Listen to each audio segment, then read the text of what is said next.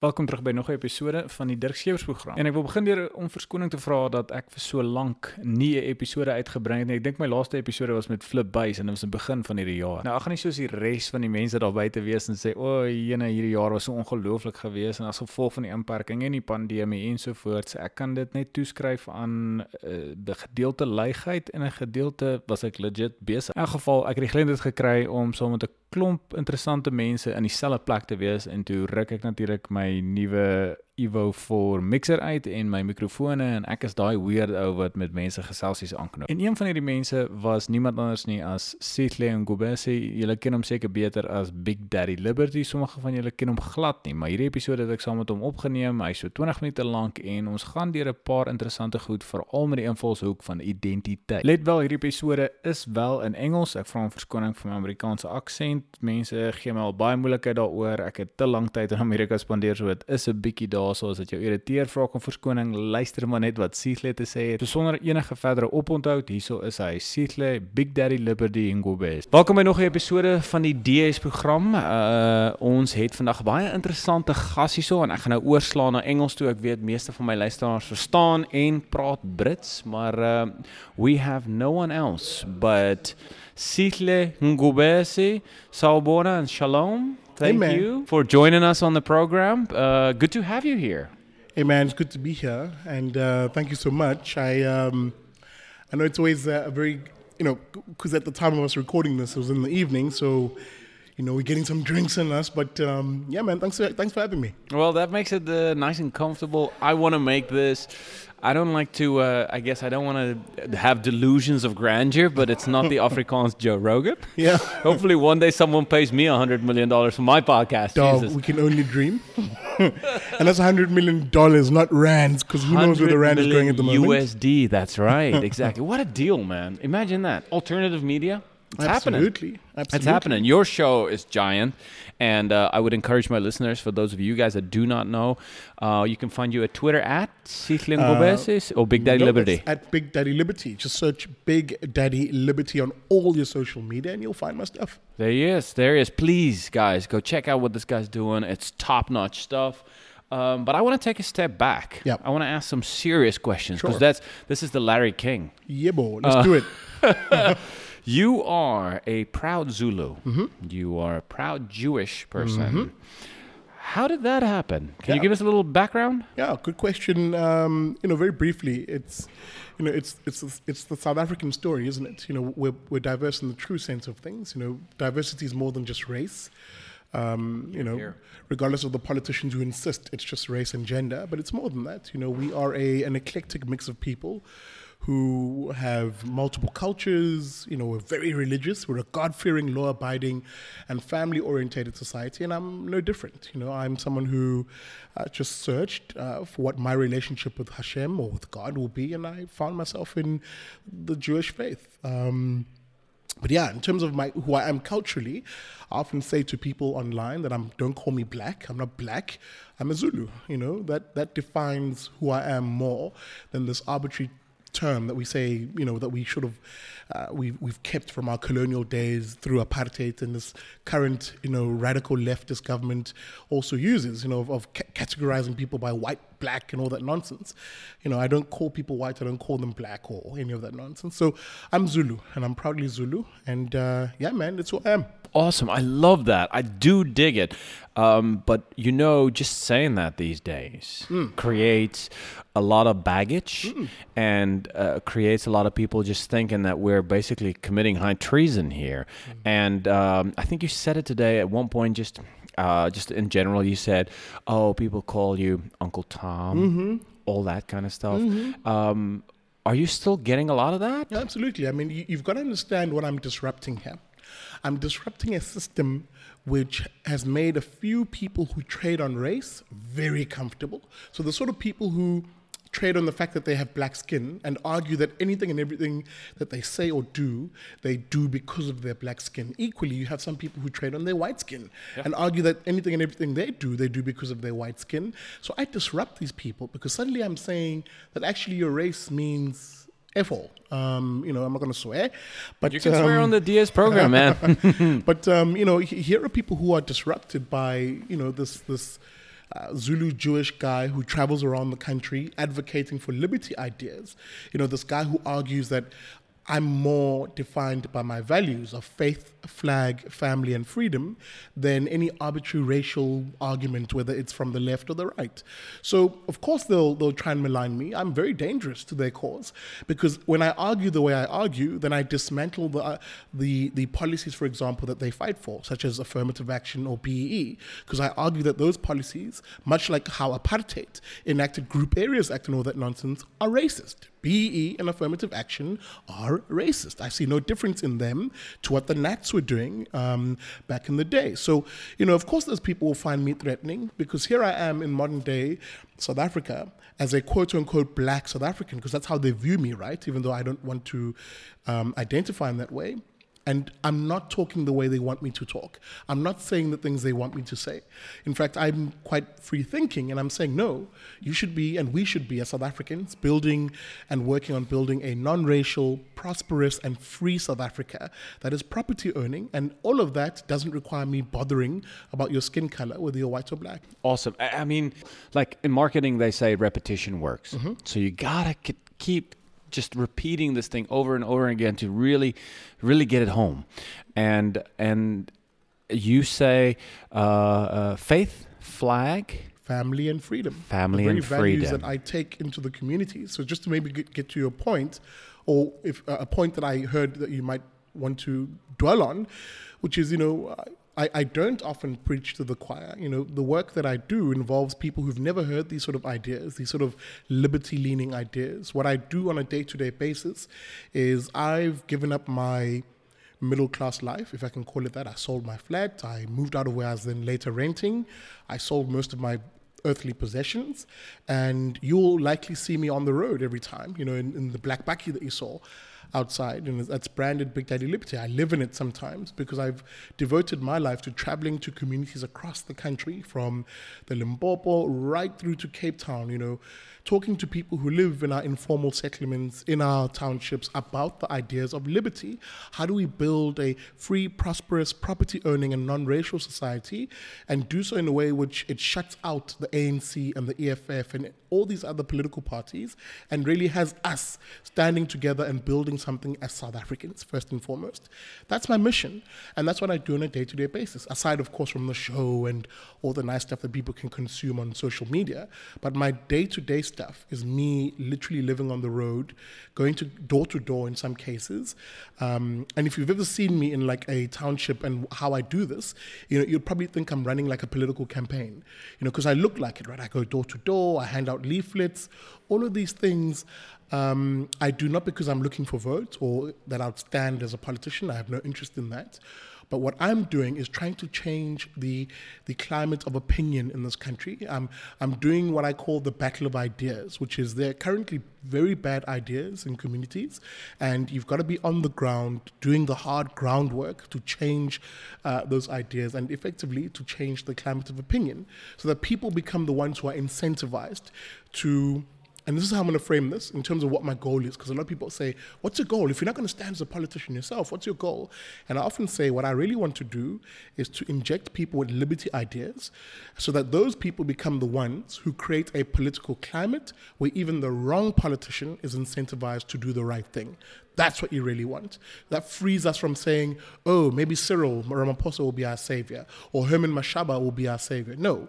What it actually really does is it puts the power into, in communities' hands for us to stand together based on values and not these nonsense um, you know, attributes like race or gender and all that nonsense. The values matter more. Dude, listen, when I say you preaching to the choir is basically me, I'm a big fan of yours. I'm gung ho, but w- w- this can't be an echo chamber because yes. that's what the left does. Yeah. They do that big time. They're like, oh, yeah, uh, critical race theory. Oh, we all do that. And, and your right. primary thing is uh, what's between your legs or what the color of your skin is. And mm. then it just morphs and it mm-hmm. becomes university and all that kind of shit. So, what I'm trying to do here is kind of just avoid that number mm-hmm. one and then ask a couple questions and maybe just package the message because sure. it's awesome stuff uh, in a way that uh, most of my uh, my listeners are Afrikaner and and proud so I, th- I would say and I think this is zero zero baggage Ja, Uh, uh, dat is geen probleem om, om, uh, om uh, Afrikaner te wees. go. Um, en ja, ik kan een beetje Afrika Afrikaans praten, maar ik kan niet zeven Afrikaans praten. Nie. Dis pragtig. Um, pragtig As ek, Afrikaans. sê, eh, as ek Afrikaans praat, klink ek soos uh, 'n Engelsman wat kom Natal af. Um, want ek is, um, you know, ek kom uit Natal, maar ja. Um, But no, dude, you, you're absolutely right. You're absolutely right. Yeah. There's an importance in how we package this information, and also for listeners to become the sort of people who advocate these ideas in their own social spaces, because it's not a, a one-man job, right? BDL doesn't do what he does as a one-man job. The, the whole purpose of, of my goal, the whole purpose of the battle of ideas and trying to win people on the faith flag family freedom uh, values is that they then become the zealots in their own community to sway people towards these ideas. Yeah, so that's uh, that's huge. Uh, Ngikuluma Sizulu, kuluma kancane, So, ngibona kithi. but not as good as you speak Afrikaans. A very big tip of the hat to you there. Well done. Um, I want to kind of push on one element here, and I'm with you, as I said, on the faith flag. Let's get stuck on the flag a little Yeah. bit, um, because that is the South African nation state, Yeah. and I know the proud Zulus that I've met, that I've worked with, and that's why I picked up a little bit of my Zulu and forgotten it, which is a shame, and I should keep working on it. It's gorgeous language, idiomatically rich, gorgeous. Um, but uh, if there was, uh, and you know Orania exists, and Afrikaners are kind of doing their thing, and the Zulus, proud Zulus, a lot of them, uh, at the Zulu kingdom, there's Ingonyama Trust. There's all this prop, uh, like area that technically. Uh, for all practical matters, functions separately from the South African state. Why did you decide to include the South African nation state? Do you want to proselytize, send the message wider? Do you want to include more people? What's the angle there? So if you don't mind me asking. It's the understanding that it's the values that you hold under a flag. So no, the flag you choose is up to you. So I literally put up the South African flag because it is a, an expression of the the world of a kind that we live in right now. But it's not me saying that's the world of a kind that I want to see maybe tomorrow. Maybe you might have a Western Cape secessionist movement that rises, and I'll lend my support to them because I'm not opposed to people wanting to self-determine. That's incredibly important. You have, as you rightly mentioned, the community of Orania. I'm in deep support of that community. Why? Because it's people taking responsibility for themselves. That's what you want. Um, you know, and equally, if I bring it home, to KZN, yeah, you know, I would not be averse to seeing uh, a KwaZulu that breaks away as as KwaZulu Natal. But I would argue, in terms of my my my here and now wish and here and now goal, is that what I would like to really see as a more achievable uh, political goal is a, an incredibly federal South Africa, much more federal South Africa as a starting point at the very least. So maybe To it's not we should- necessary to secede. Yeah, I mean, you're I- happy as it is. Absolutely, no, no, I'm not We- happy as it is. No, no, Um, happy, happy. uh, You would, it would be more happy if there is a little bit more federalism. Absolutely. So to the point Yeah, where you not more, a lot necessarily need a passport to go to KwaZulu. Yeah. Which I would be happy with. I mean, if you guys said, "Listen, we're taking uh, and make Ulundi the shining city on the hill and Right. revival and the Zulu within that," I would go there and I say, "Go, "Okay, I'm a guest here. I take my passport, I go through the gate, and I love it here because I have my friend Sihle and hundreds of other Zulu friends. Absolutely. But you guys have your own spot. I think I don't understand. Maybe you can enlighten me, and you're on the ground a Sure. lot more than I am, Sure. uh, which is a shame. But uh, why do people kick against that so hard? Yeah, look, I think it's there's there's real reasons for it, and I, I'm not dismissive of them. You know, because a lot of people then fear that what we're advocating for is apartheid, right? It's it's it's the scaremongering that you'll also have the left respond with, but what you've got to do is own the debate and and veer it away from what was the failed project of apartheid, which it, it took a very good thing, right, of of, of different regions being able to develop, um, you know, and and um, and really become prosperous. It took that good pro- um, idea, if you will, and it corrupted it because those areas were never really independent. You know, they're, they're always under the tutelage and the control of the Nats, and that's a big problem because that's not really Um, and because of that, they've corrupted this idea where it always becomes associated with apartheid. So, firstly, we've got to do the the rightful uh, we've got to win the battle of ideas in terms of reclaiming what the, the idea of self determination really is. Number one, that's why I often argue that your best bet might be at a at a strategic level to argue for federalism first and foremost to say that South Africa isn't, you know, South Africa is a colonial project. We're not really a, a natural country. Um, and the best you can do right now is to literally say, okay, cool. If we're a colonial project, let's lend to that strength of us being different regions by having a system of governance that doesn't seek to control the country from Pretoria. And if anything, KZN and Northwest, the Oranje Vrystaat, and all these places can actually be their own self governing areas. Um, yes, you can have one uh, overarching country, that's fine, but it, in terms of it, that country's powers, they're very limited. There might be just a standing army and maybe a presidency, that's it, nothing else. Everything else happens at those regional levels so that you bring political power also closer to people who are in that particular area.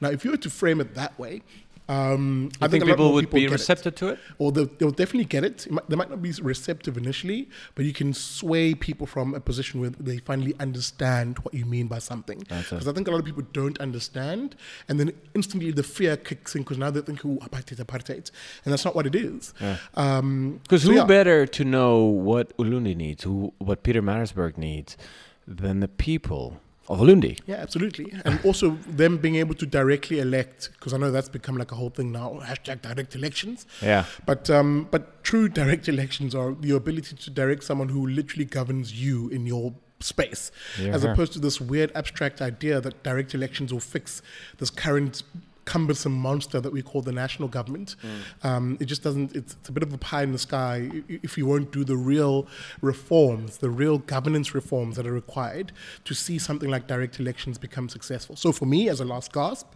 um, you definitely need a, a, more federal South Africa to begin with, where each region actually develops.